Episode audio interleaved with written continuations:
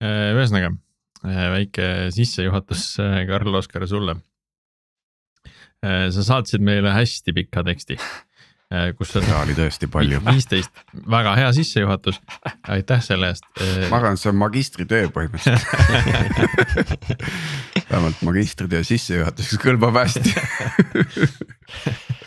et äh, kellelgi vaja on, siis meie käest saab. võime selle, mille eest, NFT-de eest küsime mingi ja meil oli jah.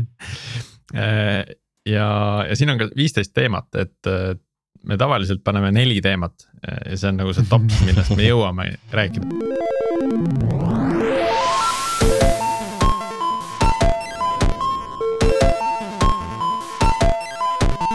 tere jälle Algorütmi kuulama, eetris on meie saja viiekümne neljas episood, mina olen Priit Liivak Nortalist ja koos minuga on saadet vedamas Martin Kapp Pipedrive'ist ja Tiit Paananen Veriffist äh,. nagu ikka äh,. härrased, millal teil äh, algoritm midagi elus muutis? et te hakkasite midagi teistmoodi tegema või võtsite ette mingisuguse avantüüri, milleni võib-olla muidu poleks jõudnud um,? Mul tuli praegu tuli kohe meelde, et, et elu muutev kogemus oli see, kui inimene tänavalt võttis äh, käe alt kinni, et jõu, me, ma olin su saates ja ma ei mäletanud teda karm no aga neid on külalisi on siin käinud juba ikka üle saja viiekümne läbi, nii et. Et võib-olla enda poolt ka, et kahtlemata üks selliseid nagu suuremaid elumuutvaid sündmusi või, või kogemusi võib-olla mida kaasa võtta, on tegelikult tänane päev, kus ma leidsin lihtsalt kontoris olles meeleheitlikult otsisin kohta, kuhu minna ja siis ma pugesin riidekappi. siin on kõige vähem kaja see härra, keda nüüd kuulsite, oli siis äh, meie tänane külaline Karl-Oskar Masing kes on Aurora masinõppejuht ja tänane episood, nagu arvata võite, tuleb siis meil ka masinõppelainel. Äh, räägime siis äh, Aurora lahendusest, nende tehnoloogilisest pinust ja probleemidest, millega masinõppe juurutamisel põrkuti.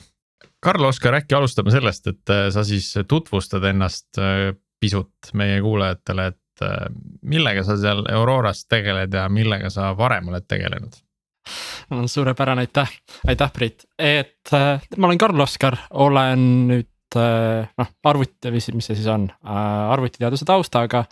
Ja dekaadi tegelikult tegelenud igasuguste masinõppe lahenduste tarnimisega küll, küll riigisektorisse, küll, küll erasektorisse ja, ja praegu sellel ilusal päeval ma olen nüüd tõepoolest jõudnud Aurorasse positsiooniks on masinõppejuht, aga äh,. aga noh, nagu me kõik teame, siis selleks, et tegelikult äh, noh, tegelikult, et tarnida äh, mingisuguseid lahendusi, siis äh,, siis noh väga palju nagu lihtsalt kusagil serveris mingisuguseid toredaid notebook'e jooksutada nagu see tegelikult väga ei kuulu töö ossa, eks ole, et tegelikult see, mida see tähendab, et kui me juurutame masinõppe lahendusi.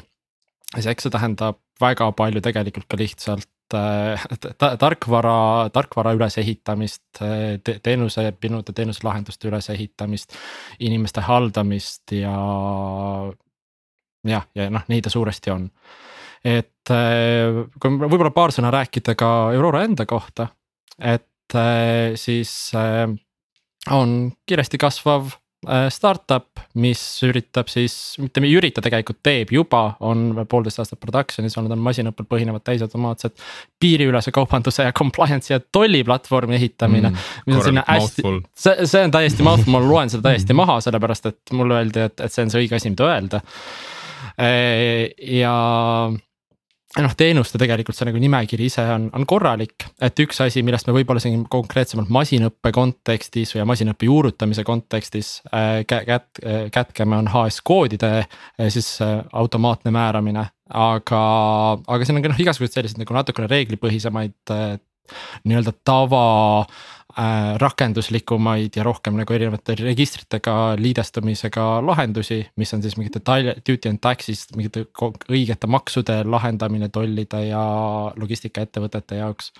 kohe äh,, kohe hüppame sinna jaa, detaili ah, sisse, äh, et selge. aga ma mõtlesin nagu küsida nagu niisuguse hästi maalähedase küsimuse, et no, kuidas sinul nagu masinõppejuhina päev välja näeb, mida sa nagu teed istub masina taha ja hakkab juhtima. See on fantastiline, et ma olen äh, umbes täpselt sama kaua, kui ma olen selles valdkonnas. Alguses alustasin pisikese sellise praktikandikesena kusagil Jaak Vilo all, jooksin tema uksest sisse, ütlesin, et ma tahan, ma tahan nüüd andmeteadlaseks saada see oli kusagil tubli dekaad tagasi.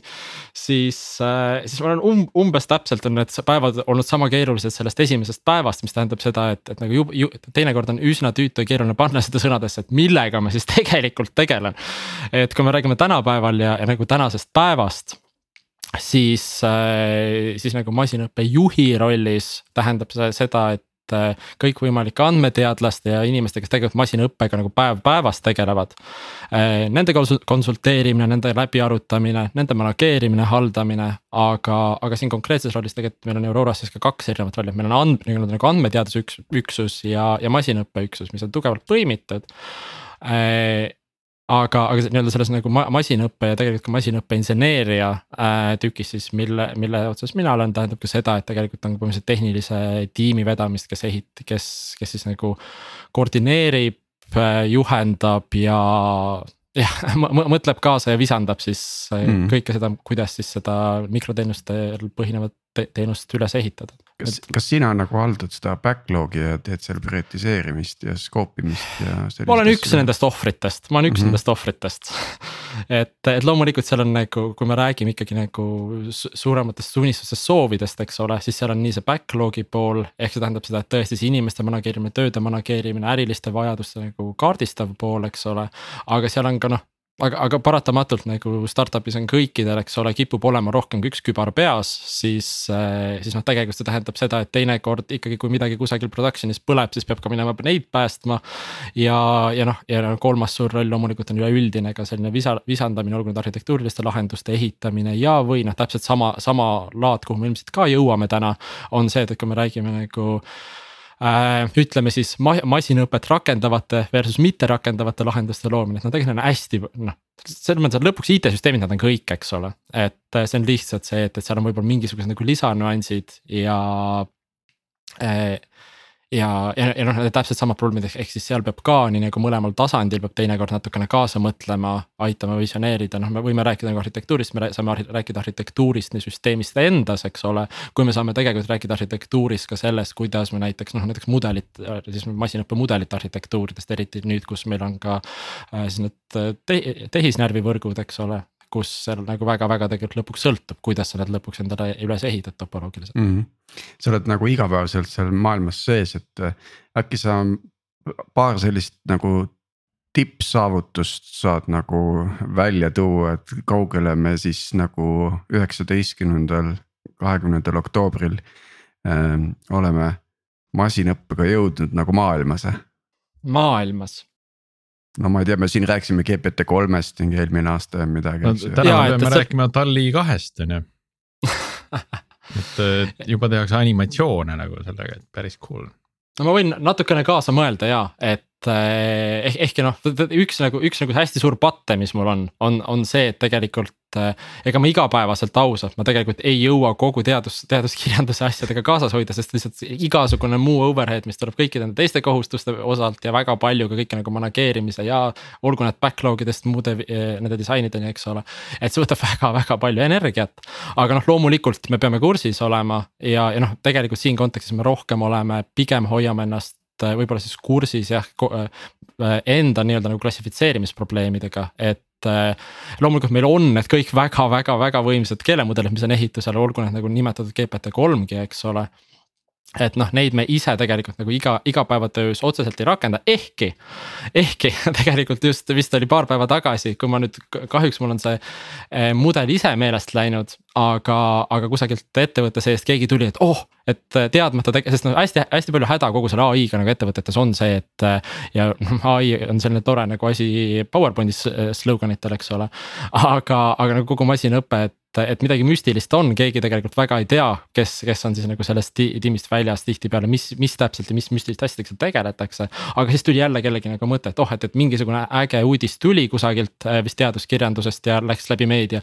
et kuulge, et aga, aga, aga mis me neid nagu probleemina neid, mis me neid nagu igavaid nagu kümne mingisuguseid numbrilisi koode väljastame, me võiksime selle baasil tegelikult genereerida kaasa pildid juba et äh, et noh seda nagu kõmu on äh, ja, ja noh, ise võib-olla, kui me räägime nii-öelda nagu nendest maailma ta tasemelistest asjadest, siis noh, seal on nagu masinõppes on, on palju koolkondi, on palju koolkondi, üks on, äh, kui, kui võib-olla praegu kohe mingid meetodid või, või nagu uusimad mudelid, mis just praegu kusagil OpenAI tarnib, eks ole, et korraks need kõrvale jätta.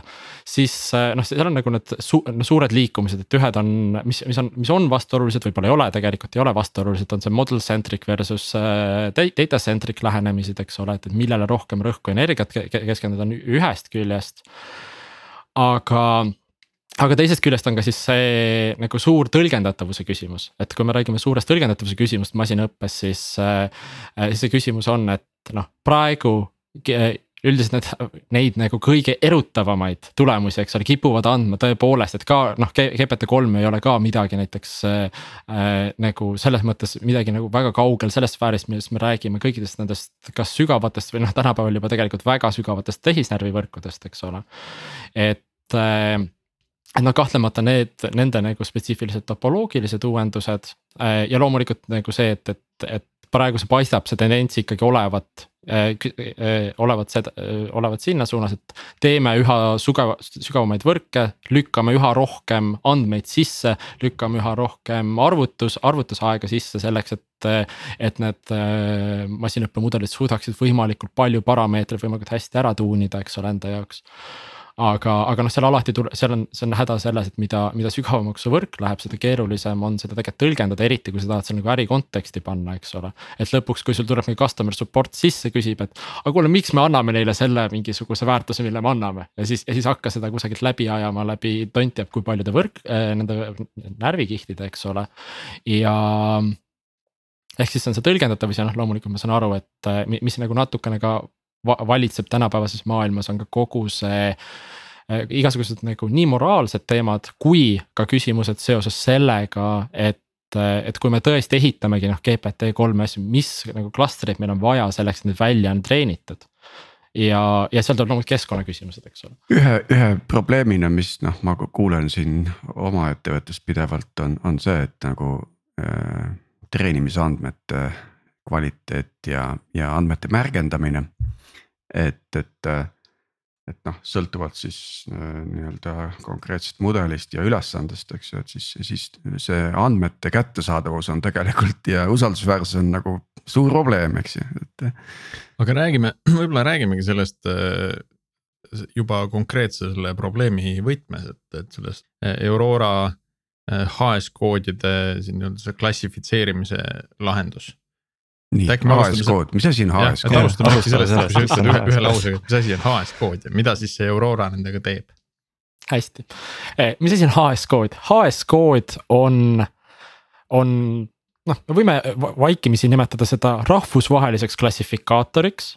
mis on siis, eh, eh, mis määrab ära mis tüüpi toote või teenusega on tegemist ja HS-koodid on aluseks selleks, et üldse rahvusvaheline kaubandus ja tollid saaksid toimida. ehk siis, kui tuleb toll, mingisugune tollideklaratsioon, siis põhimõtteliselt tollideklaratsiooniga sa pead kaasa panema selle, mida sa üle tolli tahad tarnida. HS ja lisaks, eks ole, ilmselgelt mõningad tooted, teenused eelkõige tooted, eelkõige just e-kaubanduse maailmas, eks ole, kus tegelikult on ka see koht, kus, kus Aurora äh, on, on, on, on nii-öelda neid tiivu sirutanud kuivõrd jah, see oli vist eelmise aasta juuli, kui, kui tegelikult Euroopa Liit siis rakendas selle nii-öelda regulatoorse Äh, kohustuse, et kui, kui sa tahad kiiresti kusagilt kaugelt, näiteks Hiinast saata pakikest Euroopa, Euroopa suunas, sa saad eeltäita tollideklaratsiooni.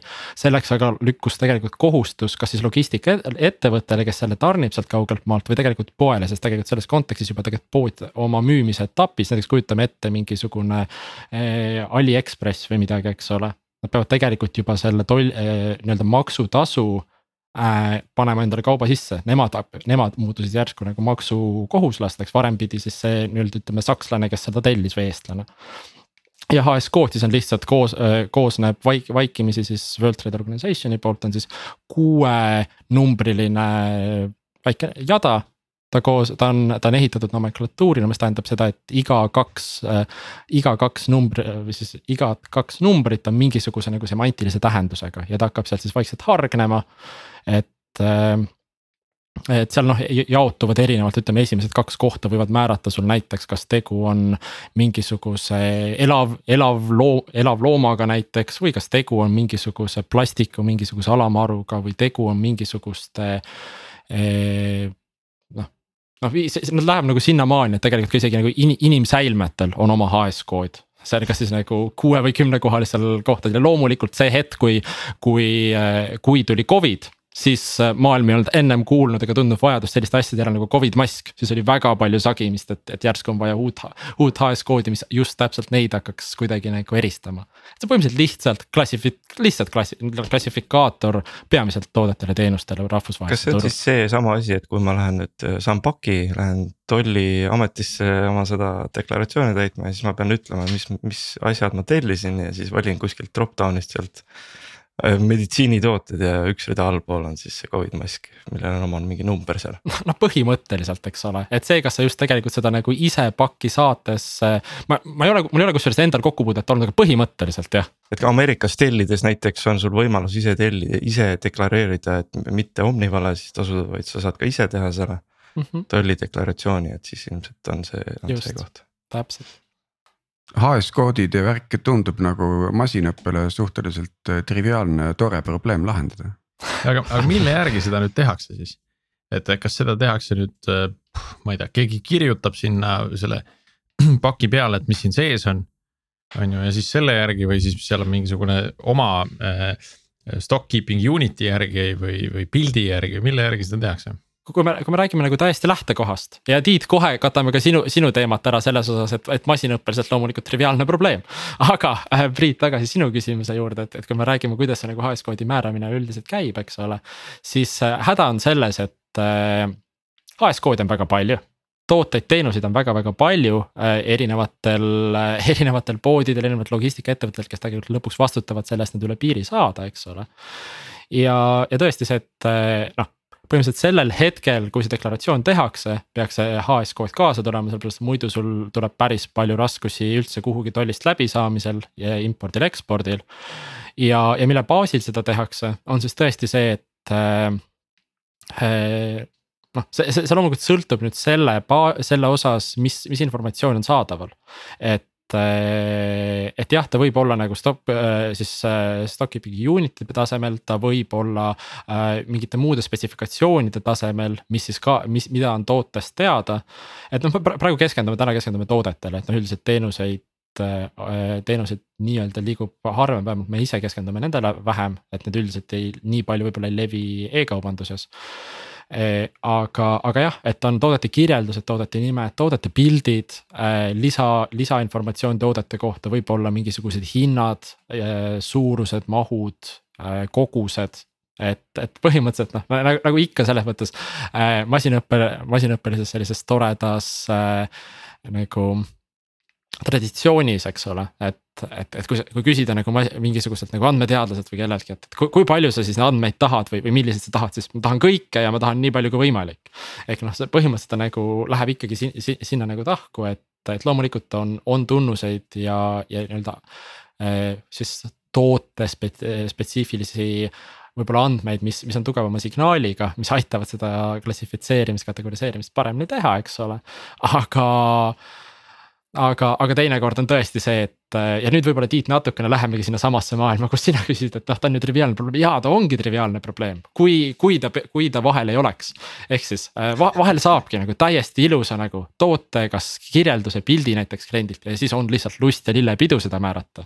et me räägime praegu endast, võime korra tagasi minna ka siis, siis mõelda natukene kusagil kaugel Hiinamaal elava inimese vaatest. aga kui me korra peatume siin selles nagu masinõppelises probleemi maastikus, siis mida see tähendab, eks ole, on see, et, et, et vahel ongi hästi. ja, ja siis, ja siis ongi see, et sa lihtsalt istud oma meepoti, poti otsas ja siis naeratad, et vaata, läks jälle hästi. aga siis probleem on selles, et osadel toodetel lihtsalt ei ole seda AS koodi E, probleem on selles, et ega, ega vaikimisi, tähendab, kui me räägime täiesti nagu äri, äri mm -hmm. nagu problemaatilises maailmas, siis häda on selles, et kui meil on äh, mingisugune tore äh,. ütleme, Hiina perekond tahab müüa oma mingisuguseid savipotsikuid, siis nad ei tea, mis on savipotsikute HS kood ah aga siis tuleks probleem lahendada ära nii-öelda algalli, alg, algkohas, eks ju, et see sahipott, see saab kohe oma koodi külge. absoluutselt, absoluutselt, et selles mõttes ja, ja see ongi nagu põhjus, miks me tegelikult ju ka tarnime, meil on nii äh, jah, meil on äh, noh, klientuur, eks ole, on nii algallikas, ehk siis selles kohas äh,. ehk siis nii-öelda kliente on nende, on siis marketplace'ide või, või ongi nagu poodide tasemel, kes tegelikult müüvadki, eks ole, kui ka noh, hästi palju on logistikaettevõtted, sellepärast häda. Nende häda on see, et nemad peavad lõpuks üle tarnima, üle piiride tarnima, aga kui neil AS koodi ei ole, siis ja, ja, ja kõik kahjuks kõik marketplace'id Äh, see on nii uus, see on nagu mõneti ka hästi uus probleem, see, et, et peab nagu ette, saab ette deklareerida selleks, et kiiresti läbi saaks tollidest ja kogu see nagu maksustamise muudatus, eks ole. et, et on, see maailm on nagu hästi suures muutuses, et sel-, et selles mõttes on loomulikult, kui. kui me teaksime kõik need toredaid HS-koode ette, eks ole, kui, kui see tore Hiina tädikene, kes tahab oma savipotti saata mingisugusele saks-, sakslasest jõukurile. teaks juba ette loomulikult, noh siis meid ei oleks vaja, häda on lihtsalt selles, et esiteks nad ei tea ette ja teine suur häda, mis on kõikide, kogu selle HS-koodide maailmas on siis see, et esiteks HS-koodid äh, muutuvad regulaarselt, et iga viie aasta tagant on siis äh, suur äh,, suur ümber, ümber nii-öelda nagu määramine HS-koodidel, iga kuu toimub see ka. ja mis, mis, mis teeb siis nagu hästi ägedaks kogu selle probleemi loomulikult, on see, et et tegelikult HS, see, millest me rääkisime, mis on rahvusvaheliselt nagu peaaegu rahvusvaheliselt üheselt mõistetav, ehkki loomulikult ameeriklased jälle on, nagu ägedad ja nad alati ei, ei allu sellele, et, et nad peaksid nagu kuue digiti esimese raames kuidagi nagu vastama maailma standarditele. siis äh, äh, siis isegi kui kuus on rahvusvahelised siis ülejäänud tegelikult, kui me räägime Euroopa tasemest, siis Euroopa on rakendanud endal tarikkoodid, mis on tegelikult kümne, küm-, mis on siis kümme digitit või kümme numbrit ja need neli on, äh, on Euroopa spetsiifilised, loomulikult äh, kui me su suuname mingisugused tooted USA-sse, neil on oma äh,. Dubai kasutab kahteteist digitit ja Hiina mingisugused uudised on see, et kui tegelikult tahta, mis tegelikult üsna harva juhtub maailmas äh,. Parat-, mingitel ilmsetel põhjustel, et väga palju võib-olla Hiinasse ei saadeta kaupa, pigem tuleb vastupidi see liiklus. aga, aga, aga Hiinas on, on olnud mingisuguseid raporteid, et äh, me ei ole veel täpselt nagu, see, see lahendus on, on meil loomises, aga Hiinas on umbes neliteist, viisteist kohta ja see tähendab seda, et Tiit, ja, ja mis nende toredate koht. lihtne probleem et selles, selles mõttes ta on nagu, ta on tema, tema keeruk-, tähendab, seal on nagu kaks hästi suurt keerukust, üks on see, et see, millesse me tahame klassifitseerida, esiteks. muutub pidevalt, teine probleem on see, et ta on erinev sellest, ta on sõlt-, väga sõltuv sellest, kuhu ta, ta, sa tahad tarnida. Ja loomulikult kolmas keerukus tuleb sellest, et et isegi kui me ütleme, et, et kogu see nagu muu, muutuv klassifikaatorite süsteem, mis on metsik ja mis võtab väga palju, väga palju tööd, et sellega nagu kaasas püsida, eks ole on, on häda selles, et mis sulle sisse tuleb, mis on nagu lõpuks kõikide masinõppe probleemide nagu valu ja rist ja viletsus, eks ole. et, et kui sulle lõpuks tuleb sisse nagu klient arvab, et see suurepärane kirjeldus, mille ta sulle saata tahab näiteks. pilti ta ei anna äh,, mingit kaalu ta ei anna, aga ta annab sulle mingisuguse sõna, näiteks punane ei no see ongi, et, et see, et see Hiina pere paneb, et punane pott on ju ja siis võta kinni, et noh, et kas see on savipott või see on nagu köögitarvik on ju, et. Ja need potid on nagu selles mõttes legendaarsed, et kui me võtame selle poti, siis nagu pott see noh, noh, kui me räägime natuke nagu probleemi keerukusest, eks ole, siis juba ainuüksi HS6 tasemel, rahvusvahelisel tasemel umbes nagu circa viis tuhat äh, potentsiaalset koodi. Neil mõningatel on väga väikesed erisused ja mis on keeruline nendes on see, mis on nagu raske nendes on see, et nad võivad väga, väga, väga, väga erinevaid asju tähendada, et seal on tõsiselt nagu meil on. meil on nagu teatud HS koode, mis, mis lähevad mingite tuumareaktori tükkide kohta äh,, hävituslennukite varuosadeks äh,, mingisugune elusloomade, mis iganes söödaks ja, ja tuleb välja, et isegi nagu kartulid serveritel sõltub teatud tingimustes on nagu erinevad koodid. ja, ja, ja kohati need on nagu väga olulised, mõned asjad nagu ja see on lisaks on siis ka nagu piirangute all on ju, et kõike sa ei saa igale poole tarnida ja siis ei saa hakka seletama pärast, miks sa, miks sa mingisuguseid äh,. ma ei tea, mis iganes nagu asju üritada piiri seada, kusjuures naljakas on see, et, et kui me alustasime. siis äh, Tiit vist äh, mainis ka kogu seda äh,, võib-olla oli Tiit, võib-olla keegi teine, vabandust. et äh, kogu see andmekvaliteedi teema, et loomulikult äh, andmekvaliteedi teema on, on nagu väga-väga oluline ja kogu see nagu treeningu andmed, kuidas sa saad, kuidas sa hoiad nii-öelda seda nagu relevantset andmeid, kuidas sa saaksid oma mudeleid ehitada. ja alguses me siis hakkasime ka nagu noh üritasime, need oli algusaastad, mingi, mingi hulk aastaid tagasi hakkasime ka näiteks mingi indialaste märgendatud andmeid, mis olid nagu kohutava kvaliteediga, nad lihtsalt. noh, põhimõtteliselt seal, ma ei saa öelda nagu täiesti randomly olid need äh, märgendid sinna peale pandud, aga, aga noh, nagu liiga palju kohati ei erinenud, loomulikult tooted olid väga India spetsiifilised.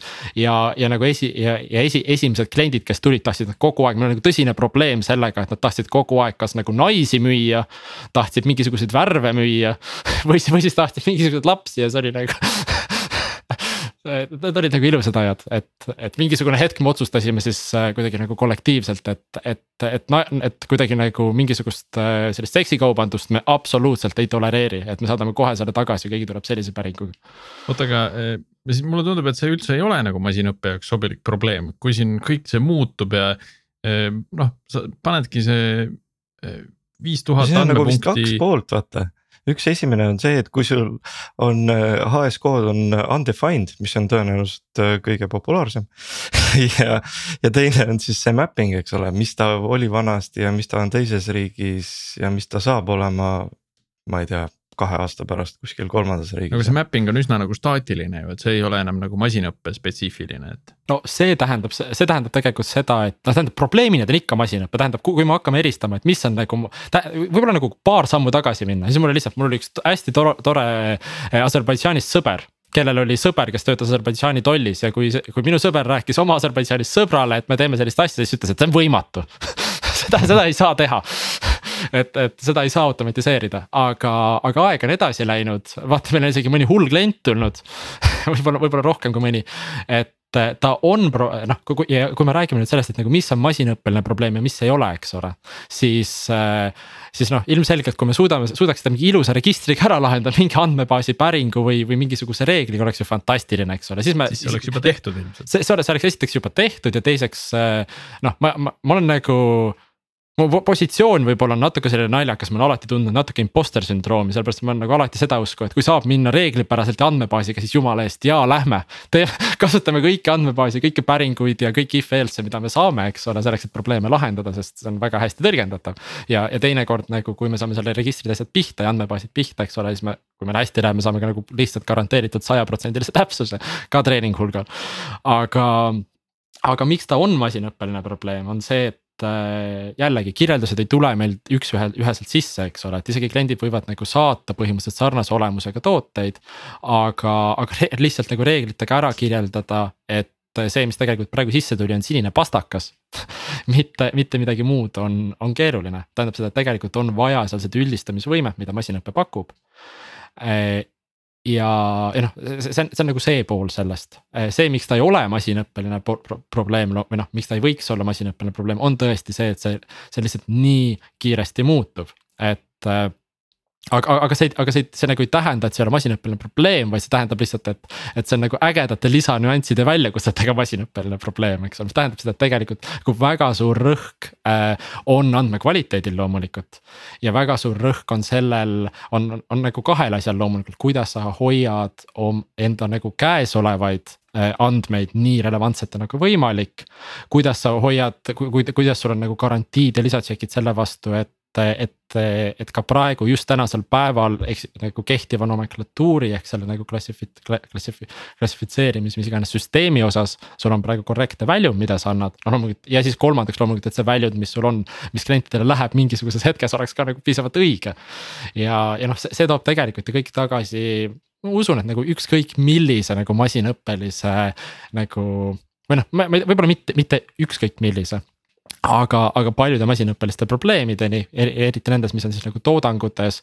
Eh, mis peab tõesti nagu serveerima ka kliente, eks ole, kes, kes ootavad seal nendelt vastutust, kes ootavad nendest vastutest, vastustest midagi vähegi nagu korrektset. tähendab lihtsalt seda, et seal on vaja kogu seda tagasiside tsüklistamist ka, ehk siis seda, et eh, eh, hoida siis kas mingisugust kontingenti inimesi nii-öelda ettevõtte enda kontekstis palgal, äh, kes on siis vastava domeeni spetsialistid või noh, oleneb jällegi nagu milliseid nagu probleeme või nii-öelda märgendamise asju me tahame hoida, eks ole. et see sõltub jällegi nagu valdkonnast, vahel on vaja domeeni eksperte, vahel piisab tegelikult mingite nagu märgendamiste jaoks tegelikult lihtsalt see probleem hästi ära lihtsustada. nii et saab kaasata ka, ma ei tea ma ei, ma ei taha öelda lapstööjõudu, eks ole, aga ütleme siis võib-olla tööjõudu, kes ei, kes ei ole nii nagu suure või kuidagi nagu äh, nii-öelda suure valdkonna nagu spetsiifilise kogemuse. just täpselt, täpselt. Ja noh, ja te, teine asi loomulikult see, see ihaldatud äh,, siis äh, ihaldatud kuidagi nagu eesmärk kõikidel nii-öelda nende andmete relevantsuse hoidmisel ja tagasisidestamise saamisel, loomulikult üks on siis see sisemine, eks ole, et tegelikult ongi siis see äh, silma peal hoidmine mis tegelikult klientidele välja läheb, silma peal hoidmine, et kõik need keerulise, kõik see ohter. Eh, maailma erinevad nomenklatuurid, asjad oleksid siis paigas, et treeningi andmed oleksid korras. aga teine võimalus loomulikult see alati see meepott, mida kõik taga ajavad, on see, et kui hea oleks, kui süsteem ise saaks või süsteemi kasutajad saaksid tagasisidestada seda, et, eh, et kuule, et sa andsid mulle nagu sellise AS koodi toll tahtis mu vangi panna et, et ära enam seda saada. Või, või siis, või siis äkki nagu mõtle ümber, on ju aga mis, mis lahenduse siis äh, Auroras olete võtnud, et äh, kas on terve hunnik inimesi palgal või on õnnestunud kuidagi see tagasisidestamine tööle panna? meil on tagasisidestamine nüüdseks tegelikult juba pea aasta töös Äh, ja tagasisidestamine on meil siis äh, ja, ja me vaatame ka kõiki neid nagu kõiki, kõiki võimalusi, mida me saame sellest teha ja mida see siis tähendab, on esiteks see, et üks kontingent on tõesti, tähendab, võib-olla üks nagu erisus veel, mida, mida välja tuua, sest tegelikult Auroral on konkurente ka, me ei saa öelda, et ei ole Auroral konkurente, aga mis on naljakas nagu maailmaturul, on siis see, et sisuliselt ükskõik, mis nagu kliendivestlustesse minna äh,. siis alati kiputakse nagu arvama vaikimisi, et tegelikult tõepoolest meil ongi mingisugune kohutavalt fantastiline kogum inimmärgendajad, kes, kes reaalajas toksivad API vastuseid. sellepärast see paistab olevat see standard.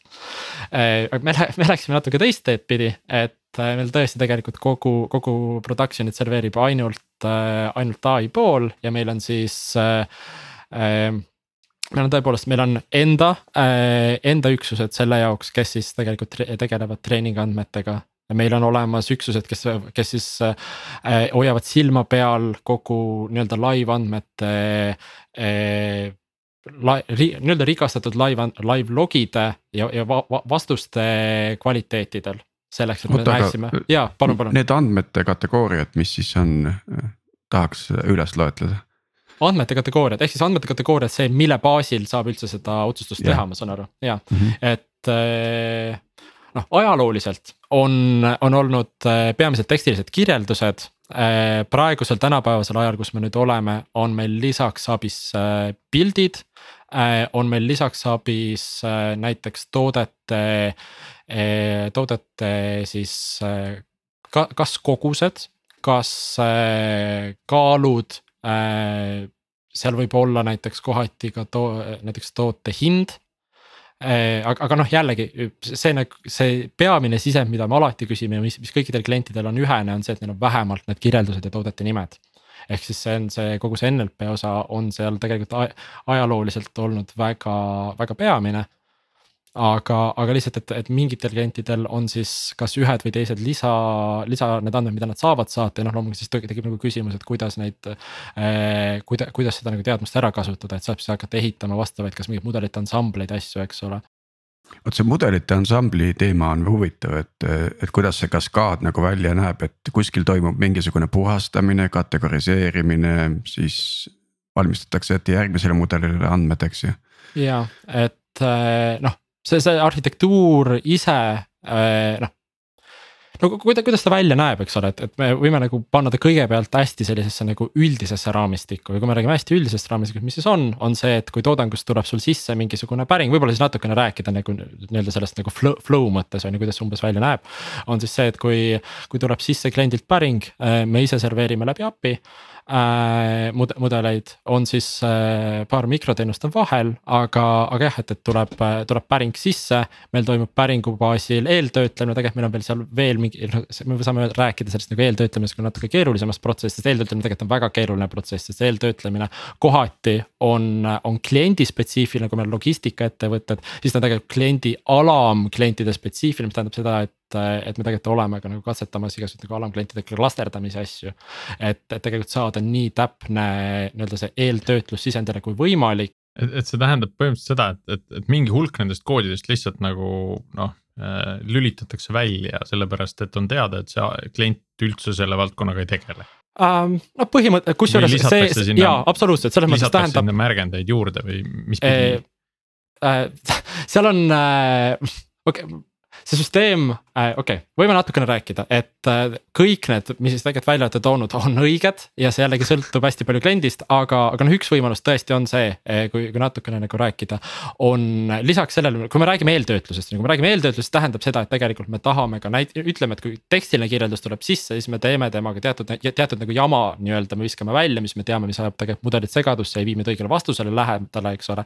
me tegelikult tõepoolest, me ka täiendame näiteks neid sisse tulevaid kirjeid mingisuguse lisaregistrite teadmuse baasil äh, mõningatel klientidel noh, mingisugused võib-olla nagu ägedamad sellised nagu viimased feature'id on, on äh, küll veel nagu beta tasemel, on näiteks ka nagu spetsiifiliselt näiteks kultuuri, kultuuriliste saavutuste tuvastamised äh, korrektselt, mis siis on näiteks kirjandusteosed äh,, filmid, asjad, mis ringlevad ka, et kui vahel tuleb niisuguseid filmi nimi sisse, on ju.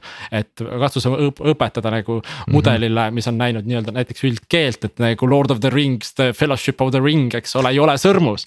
Nagu katsu seda teha. Aga, aga see kõrvale, et tõepoolest noh, nagu kliendid, eks ole, sõltub, et. või ei müüda sulle ka viite inimest. Ei, ei müüda viite inimest, eks ole. palju sul neid oli kokku? Vist oli üheksa, kui nende parimatel hetkedel, aga ähm, aga jaa, et loomulikult tegelikult on äh,, Priit, nagu sa välja tõid, on ju olemas ka teadmus äh, klientide kohta olemas teadmus, mingisugused priorid ka klientide kohta. Äh, kliendid tegelikult saavad ka ise öelda, kui nad, kui nad ütlevadki, et, et jumala eest ära müü mulle mingisuguseid nagu, et ma ei müü hobuseid, on ju, ma tegelen ainult mingisuguste meeste, meeste nagu pükste müümisega. et loomulikult noh, need filtreeringud saab tegelikult ette panna ja selle võrra saab tegelikult nagu lihtsustada seda probleemi ka nagu masinõpp, masinõppelises kontekstis. või vähemalt saab lihtsustada selles kontekstis, et klient ei ole kohutavalt pettunud, eks ole, et see hommikust üles ärkab, et ta on eluaeg teadnud, et ta on müünud kalendreid ja siis mingisugune mingisugune hetk saab ta aru, et, et, et ta on tollis vahele jäänud, sellepärast et ta müüb mingisuguseid hävituslennuki varuosasid, et see ei ole tore, tore ilmselt hommikul. et kahtlemata saab neid filtreeringuid, eks ole, väljundile vahele panna või siis tegelikult ka mudelile sisse.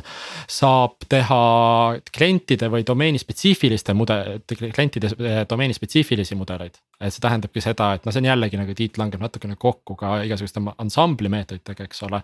või siis ansambli kasutamise valdkondadega, kus, kui ongi näiteks suuremad kliendid või võib-olla me teamegi tegelikult, et see klient tegelikult askeldabki ainult mingisuguses konkreetses valdkonnas. ja ütleme, et kas see klient on äriliselt piisavalt nagu vajalik või nii-öelda nagu, ma ei taha halvasti öelda, on ju, aga ütleme, et ta on nagu piisavalt mõjukas et tegelikult see effort ette võtta.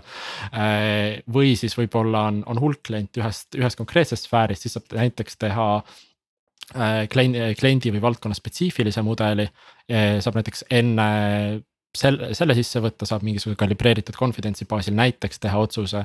või siis tegelikult hästi palju, millest me tegelikult ka ise neid otsuseid teeme, näiteks, et mis mudelile edasi saata. või mida me üldse tahame edasi saata, millest me ootame midagi. on näiteks ka see, et meil on hindamissüsteemid selle osas aga kui hea see kirjeldus tegelikult on, on ju. et mida see tähendab, on see, et nagu väga tihti, mida me oleme, millega me oleme nagu väga palju kokku jooksnud, on see, et äh,. tihtipeale tõesti nagu kirjeldus on ainus või, või noh, kirja, mingid tekstilised kirjeldused on, on see peamine asi, millest üldse midagi välja saab lugeda. mingisugust piisavalt mõistlikku signaali selle, selle nii-öelda klassifitseerimisprobleemi lahendamiseks ja ja aga siis tuleb nagu sisse informatsioon, kus nagu räägitakse, on mingisugune pikk ilus tekst või mitte, aga noh, toodet ei olegi. keegi, keegi ei räägi tegelikult, mille, mille, millega tegu on, on ju, ja siis, sa ütle, millega tegu on et, et vahel sa saad konteksti baasil, mitte alati. see, mis sa räägid, see on, see on korralik džungel see on. mul on täiesti intergalaktiline skoop on praegu peas, pea vaikselt lõhkema ega ma mõtlesin, et isegi sisendandmete puhul, et okei okay,, sul on kirjeldus, et, et see tolli tuleb sisse 3D printer näiteks mm -hmm. ja pilt on selle 3D printeriga tehtud mingitest kujukestest mm. -hmm. printerit ei ole pildil, no mis, mis sa siis teed, kas need on kujukesed või on see printer noh? et selles, selles mõttes Martin, mul on jube hea meel, et sa küsid seda, sellepärast et põhimõtteliselt see on. Äh, see on esiteks üks peamisi, noh üks hästi suuri probleeme, millega me tegeleme ja ma ütlen, et meil on nagu terved tegelikult nagu ka väga-väga äh, kogenud äh, ük-, noh üksused, kes sellega, eks ole, tegelikult, kes, kes tegelikult, kes aitavad meil tegelikult hoida kogu seda andmestikke, treeningandmeid äh, asjakohasena ja põhimõtteliselt need on need äh, toredad küsimused, et kui võib-olla lihtsalt nagu selline fun fact'ina. siis kuivõrd me tegeleme sellisest toredast asjast, siis meil on eraldi Slacki kanal on meil siis ettevõttesiseselt, mis on need äh, jõulukinkide ideed te ei, te ei kujuta ette, mis seal maailmaturul ringlevad Need on need äh, kõik need hullud asjad, mida, mida keegi ei vaja tegelikult. no seal nagu ringlevad asjad, mida, mis nagu algu, algupäevil meil oli hästi palju probleeme oli mingite kirjeldustega nagu äh,. mis, mis need olid, näiteks äh, üks tore oli äh,, oli see papagoi mähkmed näiteks mm.. või siis, või siis nice. oli, või siis on näiteks äh, kana, kanakiiver ja nagu reaalselt ja siis sa nagu lähedki otsima, et, et nagu kas, kas selline toode, kas päriselt nagu maailmas on? Ja siis sa lähed ja vaatadki, sa vaatad, kanal on kiiver peas. Nagu. mingi GoPro mis... on peale mount itud seal, stabilisaator, mis see meem oli kuskil. No natukene puuriks sinna, sinna andmete täpsuse ja selle poole peale, et kus need threshold'id nagu tegelikult sul seal nendes mudelites on sätitud, et, et sest noh, mingil hetkel sa lihtsalt nagu noh, hakkad valeinformatsiooni edastama, et kuhugi see joon tuleb tõmmata, on ju. kuhugi joon tuleb tõmmata, see on, see on tõsi, et äh, noh, see on hästi-hästi valus küsimus, mida sa küsid, loomulikult. et äh, et noh, kuidas me neid jooni tõmbame ja tähendab hästi valus küsimus, miks see on hästi valus küsimus loomulikult, on ka lisaks see, et äh, asi, millega me praegu hästi-hästi palju tegeleme. on see, et jah, praegu me põhimõtteliselt äh, sample ime mingisuguseid äh, vasteid, mis me klientidele saadame ja me, me teeme siis ka logide rikastamist, mis tähendab seda, et noh, nagu. kui, kui sul on API päring, eks ole, API päringut sa tahad hoida kiirena, meil on kus endal on meil siis äh, see soov lubada olnud klientidele saja millisekundiga tähendab seda, et nagu teatud puhkudel sinna peab väga-väga-väga palju asju sisse mahtuma, kusjuures ka nagu teatud kontingentides masintõlked ja muud asjad, mis on väga-väga mahukad ähm,. aga, aga, aga selle joone tõmbamine jah, et esiteks nagu mille, mille baasil me üldse võib-olla seda nagu tagasisidestamist teeme ja seda e-, esialgset tagasisidestamist ja rikastamist on siis see, et. et noh, live süsteemis, see, sa ei saa nagu kõike logida sa, sa logid ainult need asjad, mis, mis otsused juba tehti selles live süsteemis, loomulikult need sa viskad logidesse, eks ole. ja siis seal on need sekundaarsed teised süsteemid, mis tegelikult töötlevad neid logis edasi. Äh, selleks, et nende baasil saaks rohkem otsuseid ja asjalikumaid otsuseid teha, et seal on meil mingid teised mudelid näiteks taustal, mis hakkavad hindama. mingisuguseid lipukesi näiteks püsti viskama ka näiteks ini, ka siis inimspetsialistidele, et näiteks kuule, et, et see kirje näiteks selle kliendi jaoks on kahtlasem anomaalia tuvastused, asjad kui me räägime reaalselt nagu ilmselt see Tiit, see küsimus oli jällegi taaskord ka nagu ansamblite suunal. siis äh,, siis kogu see nagu noh, see, see küsimus langeb kalibreerimisele, see küsimus langeb sellele, et et okei okay,, et sul on mingisugune mudel, see mudel annab sulle mingisuguse nagu confidentsi välja, eks ole, et, et siin ma arvan, et ma olen nii kindel, aga, aga loomulikult nagu see hästi suur häda selle confidence'iga on, et see confidence tegelikult ei ole, mida ta reedab või mida ta räägib, ta räägib lihtsalt, ta räägib sinu treeningu andmetest põhimõtteliselt. ja, ja sellest, kui hästi sinu kirjeldus sinu treeningu andmetega kokku sobitub, et kui sa ei ole kunagi seda kirjeldust, kui sa ei ole kunagi kana kiivrit näinud ega midagi, ühtegi kana ega ühtegi kiivrit, eks ole, seda jama, jama kui palju. ja, ja see kogu see kalibreerimine on praegu äh,, praegu sellel tasandil, et äh, et jah, me kasutame confidence'i äh, me kasutame, me üritame nii-öelda seda confidence'i ja, ja mudelit meil on ka mudelite pidev, pidev siis treenimine, et me tegelikult treenime seda vasta-, küll vastavalt vajadusele, aga vähemalt äh, iga siis nii-öelda kliendi jaoks vähemalt kaks korda nädalas. ja, ja ja, ja see noh, see, see tegelikult see tulebki praeguses etapis suuresti veel äh, selle peale, et me istume inimsilmaga maha noh, ta, see, kõlab natuke nagu halvasti, aga ja loomulikult see, see ei käi tegelikult nagu iga, iga üksiku mudeli jaoks niimoodi. aga kui me võtame nagu kõige võib-olla kriitilisemad kliendid, siis, siis ongi, äh, et me sample ime äh, production'i andmeid. võtame sealt nii-öelda nagu nii esinduslikku valimi, kui me saame, mis tähendab seda, et nii, nii problemaatilisi puhke kui ka neid häid puhke, kus mudel on kindel. Eh, sealt me saame vaadata neid mudeli enda enesekindlusi ja me saame vaadata lisaparameetreid ja me saame siis selle baasil põhimõtteliselt tuunida seda, mis hetkes me ütleme, et siin me oleme piisavalt enesekindlad näiteks koodi väljastamaks. või siis mingis teises puhus või, või siis võib-olla näiteks mingis ansambli kontekstis rakendamast ja, ja ja, ja või siis, või siis peame tegema mingitel teatud puhkudel teisi otsuseid ja noh, loomulikult tegelikult kui päris aus olla. siis meil on ikkagi hübriidsüsteem, see tähendab seda, et lihtsalt nagu mudelite väljund ei ole ainus, mis meil on. et meil on kasutusel ka teatud mingisugused registripõhised vaate, otsingud ähm,. et, et andmebaasi me loomulikult kasutame ka palju nende vastute, vastuste andmises ma tegin vahepeal selle vea, et ma käisin seda pagana kana kiivrit vaatamas, täitsa hull lugu oli asi, eks ole. oli asi jah, siiamaani panin ruttu kinni muide, nii naerda. The things you can that uh, cannot be unseen. ja ma ei saa seda välja, aga äh, kuidas sa seda, sedasama džungli juurde tagasi tulles, et noh, sa nagu jõudsid jälle sinna ringiga, et. et kuidas sa kõike seda haldad või kuidas sa nagu, sul on see sada millisekundit, kus see päring peab läbi käima Ehm, noh, et seal sees nagu tehakse palju asju ära, et, et äh, milline see päris palju, et noh, et sul on nagu erinevad kliendispetsiifilised mudelid, siis on nagu üldised mudelid. Ehm, kuidas sa nagu üldse hoiad seda tervikpilti nagu koos, et, et masinõppejuhina, et aru saada seda, et, et, et noh, mis, mis mudelid meil üldse on nagu ja kui täpsed nad on ja millega me järgmine nädal peame tegelema, eks ole, et et kas me hakkame vaatama seda kliendi spetsiifilist asja või me peaks mingit üldist asja nagu täpsemaks timmima? Sa küsid nii palju nii keerulisi küsimusi üheskoos, ma hakkan kusagilt vastama, et võib-olla hakata vastama kõigepealt see, e-, võib-olla sellest, et kuidas nad nagu ähm, võib-olla see saja millisekundi teema, eks ole, et võib-olla paar mõtteainet lihtsalt sellesse saja, sajasse millisekundi, siis me võime hakata, hakata rääkima seal nagu üldpildi kooshoidmisesse, kooshoidmisest.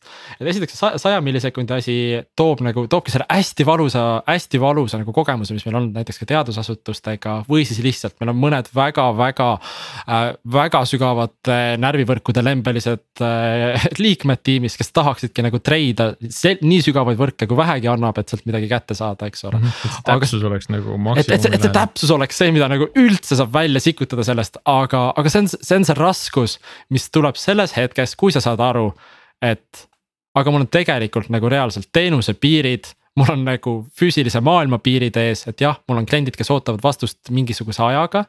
Äh, mul on mingisugune eelarve ka, eks ole, sellepärast et me võime kõik nagu panna nagu fantastiliselt palju kepsu accelerate'id, mingisuguseid mudeleid püsti. aga, aga lõpuks nagu mingisugune vaesek peab maksma selle kõige eest ja siis sul on alati need uskumatult õnnetud DevOpsid kusagil nurgas. kes siis peavad seda kogu nagu kaadervärki ja mingit virtualiseeritud GPU-de nagu jagamist haldama, eriti nagu kui sa paned mikroteenusesse, sul on mingisugused automaatsed skaleer-, skaleeruvused sees, eks ole, et see on, see on haige. see tähendab seda, et, et need nagu otsused peavad see tähendab seda, et sa ei saa alati ainult maksimeerida mingisugust nagu müstilist meetrikat nagu, nagu accuracy. ja sa ei peakski kunagi ainult nagu mingisugust accuracy't mingisuguse staatilise test set'i vastu ilmtingimata maksimeerima, sellepärast et see häda selles on, eks ole, et. staatilised test set'id, eriti nagu live keskkonnas, eriti nii keerulises domeenis. Nad aeguvad nii kiiresti ja e-, ehk siis see on see, et, et peab hoid-, peab põhimõtteliselt vahel peabki tegema valikuid selle nimel, et okei okay,, me näeme, et see, see, see mingisugune meetod, see mudel tegelikult annab nagu fant-, mingisuguse mõistlikkuse piires paremaid tulemusi. aga me jätame ta kõrvale ja me jätame ta kõrvale sellepärast, et tegelikult äh, production'is ta on kas mõeldamatu või ta tegelikult ei too seda väärtust. ja okei okay,, ma on, meil on mingisugused protsendipügalad nagu nigel on väljund aga, aga see on selle nimel, et, et klient ei saaks ainult viis nagu mingeid mingisuguseid nagu time out'e ja kõike, mis iganes muid probleeme, eks ole, või et ta tema tegelikult nagu workflow kiirus, oodatud kiirusega siis tegelikult ei vastaks, sest tähendab seda, et peab tegema ka maiseid otsuseid, vahel nende, neid unistusi maha tõmbama. Äh, kui me räägime lisaks sellest, kuidas seda kõike teha saab, eks ole, sada millisekundit on vähe on see, et mingisugused nagu protsessid, et noh, eeltöötlus tihtipeale on asi, mida masinaõppe lahendustesse nagu üldiselt pead tegema, et isegi kui nagu joo-, joo-, tuli, oli aasta oli vist kaks tuhat kaksteist või neliteist, mil need sügavad närvivõrgud tulid. ja siis hakati karjuma, et liigume ära sellest nagu esimese generatsiooni mudelitest, et tehisnärvivõrkudega me peame üldse eeltöötlema nagu maailm on, on ilus ja ilus ja imeline, on ju. siis anna nagu kaheksa aastat ja saad aru, et aga, aga eeltöötelt on ikkagi päris palju no, parem. see on nagu mõni aeg tagasi räägiti, et ei, et mälu on odav, et noh, et me ei pea nagu, CPU on odav, lihtsalt kütad riistvarasse nagu jõudu juurde ja sa ei pea midagi optimeerima, noh täna me endiselt optimeerime asju absoluutselt ja, ja, ja mis seal siis veel, eks ole, see nagu see salavõit, eriti kui me räägime näiteks mikroteenuse põhistest arhitektuurist, on asünkroonsus. tähendab seda, et tegelikult sa saad sa, samal ajal, kui kliendipäring tuleb, saad suunata esiteks mitmesse erinevasse masinasse.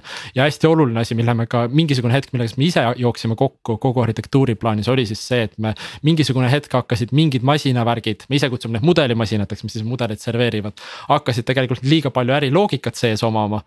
ja, ja tähendas seda, et nagu autoskaleerimine nendel muutus väga-väga väga keeruliseks, tähendab seda, et noh, vähemalt nagu meie take või kogu sellest nagu teekonnast on ikkagi olnud see, et hoiame. kui sul on mingisugune masin, mis serveerib mingisugust mudelit jooksutab selle inference'i. hoia seda nii õhukese nagu võimalik, sa saad neid jooksutada asünkroonselt mingisugusest kesksest mikroteenusest, mis teeb neid ärilisi otsuseid lõpuks või, või lõpuks ansamblib neid kokku, eks ole sest noh, esiteks ka või noh, nendel masinatel nii-öelda mud-, masinõppemudelit serveerivatel masinatel, neil on ka väga erinevad, neil on väga erinevad esiteks ressursivajadused ja teiseks neil on väga erinevad äh, nii-öelda nagu jõudlused, eks ole. et isegi kui sa kiirendad oma GPU-ga mingisuguseid sügavaid võrke, sa, sa võid endiselt saada seal mingisuguseid noh, isegi nagu võib-olla parimatel juhtudel saad kümme millisekundit vastuse kiiruseks. samas kui, äh, kui sul on mingisugused, kas siis nagu äh, õhe, õhemate võrkude baasil olevad olevad mudelid või on sul hoopis mingid esimese generatsiooni mingisugused noh, ma ei kujuta ette, SVM-id või mis iganes, eks ole. siis, äh, siis sealt sa võid saada tulistada ikkagi nagu minutis väga nagu korralikult nagu sada tuhat, palju iganes või isegi, isegi nagu olenevalt mudelist oluliselt rohkem, eks ole, vastajaid ja see tähendab ka seda kogu see auto, auto skaleerimise teema on, on kuidagi nagu lahenduv aga, aga seal oli veel küsimus sul. ja see, kuidas oli, seda džunglit haldad. džungel, džunglihaldus, et äh, ma tahaks, et mul oleks nagu hästi, hästi ilus vastus sulle, hästi ilus vastus selles kontekstis, et, et kõik on fantastiliselt hästi hallatud ja meil tegelikult ei ole nagu üldse nagu organisatoorseid, arhitektuurilisi, mis iganes probleeme, on küll. ei, aga no, puhtalt see, et kuidas sa nagu aru saad sellest kõigest, et kas sul on lihtsalt äh, väga palju seda Äh, ajumahtu, et sul on kogu aeg see pilt on nagu peas olemas või. või, või, või mingi tuul mingi, joonistab seda pilti nagu teenuste tasemel. kuidas sa nagu haldad kõike seda, et see on noh, e, e, eks nagu see vastus on, esimene vastus on see, et, et, et kui küsida, et kuida-, kuidas seda nagu kõike hallata, siis loomulikult see vastus ei ole kunagi see, et, et mul on kõik peas ja ma tean kõike ja, ja nagu ja, ja asendamatu ja, ja mis iganes, on ju, et see ei ole kunagi see vastus, et esimene, esimene enne tool'i, enne tool'i poole minemist loomulikult esimene vastus on alati tiim see tähendab seda, et tegelikult tiimis ka teatud üksused ja nii-öelda nagu alam, kas alamteenused, alam või, või siis mingid konkreetsed süsteemi osad, mis on kellegi nagu nii-öelda vastutavaks äh, saanud eh, nii operatiivsel kui siis ka nii-öelda analüütilisel andme, andmeteaduse tasemel. et inimesed teavad, sa tead tegelikult, kelle poole mingi, mingit tüüpi probleemidega minna. loomulikult, kui me räägime nagu süsteemi koos nagu rääkivusest, siis äh, noh, me ei ole veel, me ei ole veel päris seal, et mingisuguseid nagu ma ei tea, enterprise arhitekti tasemel, eks ole, hakata ehitama mingisuguseid lõputuid nagu skeeme ja, ja, ja traceable requirement'e, aga. aga, aga noh, see, see, see vast-, see ilus vastus tegelikult on, on hästi palju inimestega rääkimine, kui me räägime dokumenteerimisest, siis, siis Atlassiani stack on see, millel me, millel me oleme ja mille üle tegelikult me oleme õnnelikud äh,. graafikud kahjuks meil noh, kui me räägime nagu süsteemi äh,, süsteemi mingisugust disaini diagrammidest, asjadest, et loomulikult, kuivõrd see on ka nagu startup'is hästi keeruline, eks ole, hästi keeruline on, on minna mingisuguseid nagu väga metsikuid teid pidi, sellepärast et me kõik teame, et täpselt nagu testid, nii vajab ka igasugune dokumentatsioon metsikut metsikut, metsikut nagu haldamise overhead'i. ma mõtlen siis... just ka, ka seda, et, et noh, vaata eh, täna eh, sinu tiim on natukene selline tiim, kes saab eh, päringuid väga erinevatest kohtadest. absoluutselt et on nagu need erinevad kliendid, kes ütlevad, et nende mudel võiks olla täpsem, parem, kiirem, mis iganes kui on ka siis nii-öelda need üldine tootearenduse suund on ju, mis, mis tahab uusi ideid et see on natuke nagu teistmoodi probleem kui, kui lihtsalt tootearenduses, kus sul on äh, nii-öelda kliendibaas ja siis sa kohtled kõiki neid äh, suuresti võrdsena. kõiki neid sisse tulevaid päringuid ja lased, saad nad isegi samast funnel'ist läbi lasta. et mulle tundub, et sina päris seda teha ei saa, et sul. ei saa, selles mõttes see on, see on tõsi, et et, kui me räägime võib-olla siis jah, mingisuguste nagu kas nagu feature ite või, või süsteemi alamosade arendamisest, kuhu tegelikult kuuluvad ka tegelikult nagu mingite mudelite parendamised, võib-olla mingite me, või, või suisa nagu meetodite väljavahetamised kusagil. Ja noh, loomulikult nagu me, erinevate meetodite nagu serveerimine to, toodangus on ka omaette fun, aga aga, aga selles mõttes loomulikult need prioriteedid on erinevad, et, et selles mõttes mingisugune hetk selle, selleks, et nagu selles kõiges kuidagi ellu jääda, tuleb, tuleb lihtsalt ka, tuleb noh, nii ettevõtte tasemel kui ka enda jaoks nii-öelda läbi, esiteks läbi mõtestada, aga ka aru saada, et. et kes on see nagu, kelle karjeid on kõige rohkem vaja kuulda ja, ja noh, lõpuks ta on nagu ettevõtte tasemel, ta on ikkagi lõpuks on ju tiimimäng, mis tähendab seda, et. et noh, meie tiim küll tegelikult on väga õudsasti kasvanud, et, et seal, et sellel on nagu väga hea meel aga loomulikult, et, et kuidagi nagu prioriseerida neid ülesandeid, siis äh, see on hästi, võib-olla see kõige lihtsam on see, et, et leida enda jaoks mingisugused nagu konkreetsed pidepunktid või inimesed ke,. kelle nagu, kelle hääl maksab kõige rohkem. ja, ja kui sealt tuleb kõige rohkem karjeid, eh, siis sa tead, et üld, vaikimisi see on fookus, loomulikult välja arvatud, kui kusagil on klient, kes põleb et kui to-, kui toodang põleb, siis, siis tegelikult on, eks ole, kõik kõrvale lükatud nagu ikka. ja, ja noh, loomulikult eraldi track'ina on siis paralleelis on tegelikult see, et noh, see hästi, hästi põnev teema, mida mul on tunne, et võib-olla ma kahjuks väga palju ei jõua kuidagi nagu kajas-, kajastada siin ja katta, on siis see, et kuidas tegelikult nii-öelda see. kui me räägime masinõppe põhistest lahendustest, eks ole, siis seal on alati, seal on nii-öelda see nagu see toodang, nii-öelda toodangu või toote ja nii-öelda selle serveeriva kuidagi ökosüsteemi välja, väljaehitamine, ülalhoidmine on nagu üks osa sellest, mis on siis ka natukene nagu masinõppe hõnguline, eks ole. ja siis selle teine kontekst hoopis on tegelikult see teine liin või siis ütleme kolmas, sellepärast teine liin tegelikult oli meil kogu see andmekvaliteedi osa, eks ole. aga siis meil on see kolmas liin, kes on tegelikult inimesed, kes tegelevad kogu selle research'iga päevast päeva. ehk siis research'iga ka just nagu äh, lihtsalt ongi siis mitte nendega, mis ilmtingimata kõik alati operatiivsesse nii-öelda nagu äh, lahendusse jõuavad, vaid ka nendega, kes tegelikult lihtsalt vahel proovivad uusi meetodeid, proovivad uusi eeltöötlusi klientidel, vaatavad. ja, ja siis kogu nende tegelikult töö kuidagi nagu ärasidumine ka, mis on omaette, mis on ka nagu omaette täiesti väljakutse see kõik, ma tahtsin lihtsalt mainida seda, et kui me räägime masinõppest ja kõik selle haldamine ja arusaamine ja läheb järjest keerulisemaks. Äkki me peaks masinaid rohkem usaldama ja kirjutama ühe masinõppeprogrammi, mis kontrollib meie asemel seda asja. aitab, aitab hallata kõik seda. jah, aitab hallata ei noh, selles mõttes, et kui me ju räägime, eh, vist oli küsimus eh, ennist ka Tiidult, et kuhu maailm on liikumas, siis, eh, siis mul. Noh, tegelikult viimane dekaad umbes on ju tegelikult ka proovitud seda, et aga, aga milleks programmeerijad või, või milleks üldse nagu mingi. mingisugune mingi masinõppeinsener, kes kirjutab mingit masinõppe algoritmi, et, et just alles hiljuti postitati mingisugune vahva artikli taaskord sellest, et kui sul on sest noh, ma, ma, masinõpe tegelikult ka, masinõppe nagu meetodid, eeltöötlused, asjad, need kõik baseeruvad ka koodi baasil aga kui ma, aga, aga kuidas sa saad nagu täiesti automa-, nagu autonoomset süsteemi, loomulikult süsteem, kes kirjutab en-, põhimõtteliselt enda koodibaasi ümber, treenub selle baasil ja liigub ajas edasi. Et eh, noh, ma ausalt ei tea, kuhu. Absoluutselt, ta tuleb, ta tuleb. Eh, Nendesse märkmetesse võib-olla viimase, oled sa kirja pannud ka sellise ähm, et millise meeskonnaga ML lahendust ehitada ja kuidas nagu alltöövõtjatega nagu toime tulla, et võib-olla Äh, võib-olla see oleks nagu sobilik teema siia, siia meie tänase vestluse lõppu.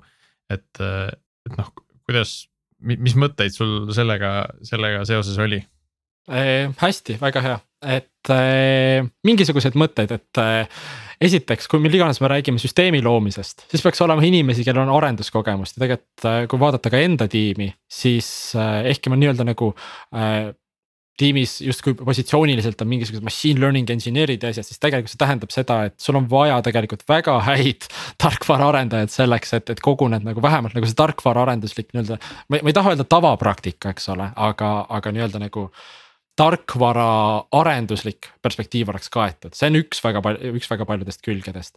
sul on vaja üldiselt mingisuguseid väga korraliku teadmisega kõikides algoritmides, andmestruktuurides, sellepärast isegi kui see ei ole ainult nagu masinõppeline probleem, eks ole, sest me jõuame kohe ka kogu selle masi-, masinõppe poole.